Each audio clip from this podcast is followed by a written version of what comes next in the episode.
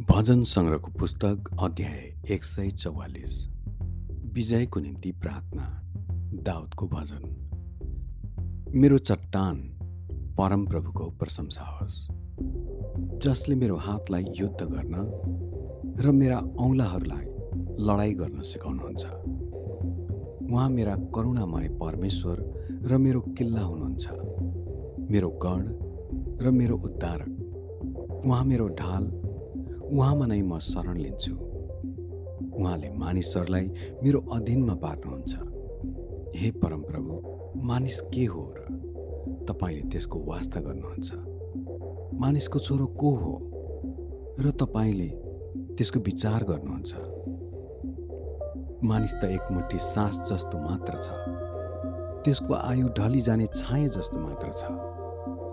हे परमप्रभु आफ्नो स्वर्गलाई खोल्नुहोस् र तल ओर्लनुहोस्।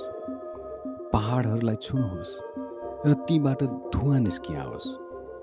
बिजुली चम्काउनुहोस् र मेरा शत्रुहरूलाई छिन्न भिन्न पार्नुहोस् आफ्नो बाण छोड्नुहोस् र तिनीहरूलाई लखेटिदिनुहोस् उच्च स्थानबाट आफ्नो हात पसार्नुहोस् र उर्लदो बाढबाट र विदेशीहरूका हातबाट मलाई उद्धार गर्नुहोस् र छुटाउनुहोस्। जसका मुख छुटा कुराहरूले भरिएका छन् र जसका दाहिने हात कपटपूर्ण छन्।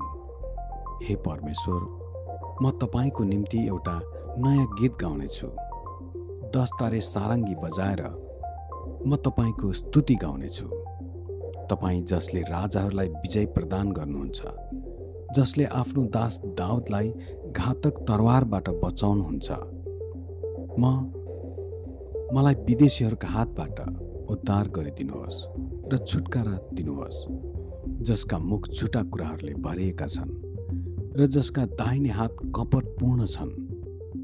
तब हाम्रा छोराहरू तिनीहरूका युवा अवस्थामा मौलाउँदा रुखहरू जस्तै हुनेछन् र हाम्रा छोरीहरू दरबार सिँगार्न कुदिएका स्तम्भहरू जस्ता हुनेछन्।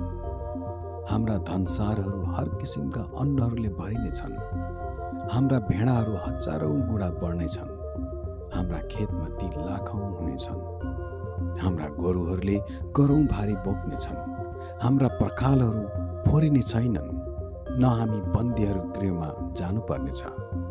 न त हाम्रा सडकहरूमा रुवाईको आवाज उठ्नेछ। ती मानिसहरू धन्यका हुन् जसका जीवनमा यी आशिषहरू छन्। यस्ता मानिसहरू धन्यका हुन् जसका परमेश्वर परमप्रभु हुनुहुन्छ। आमेन।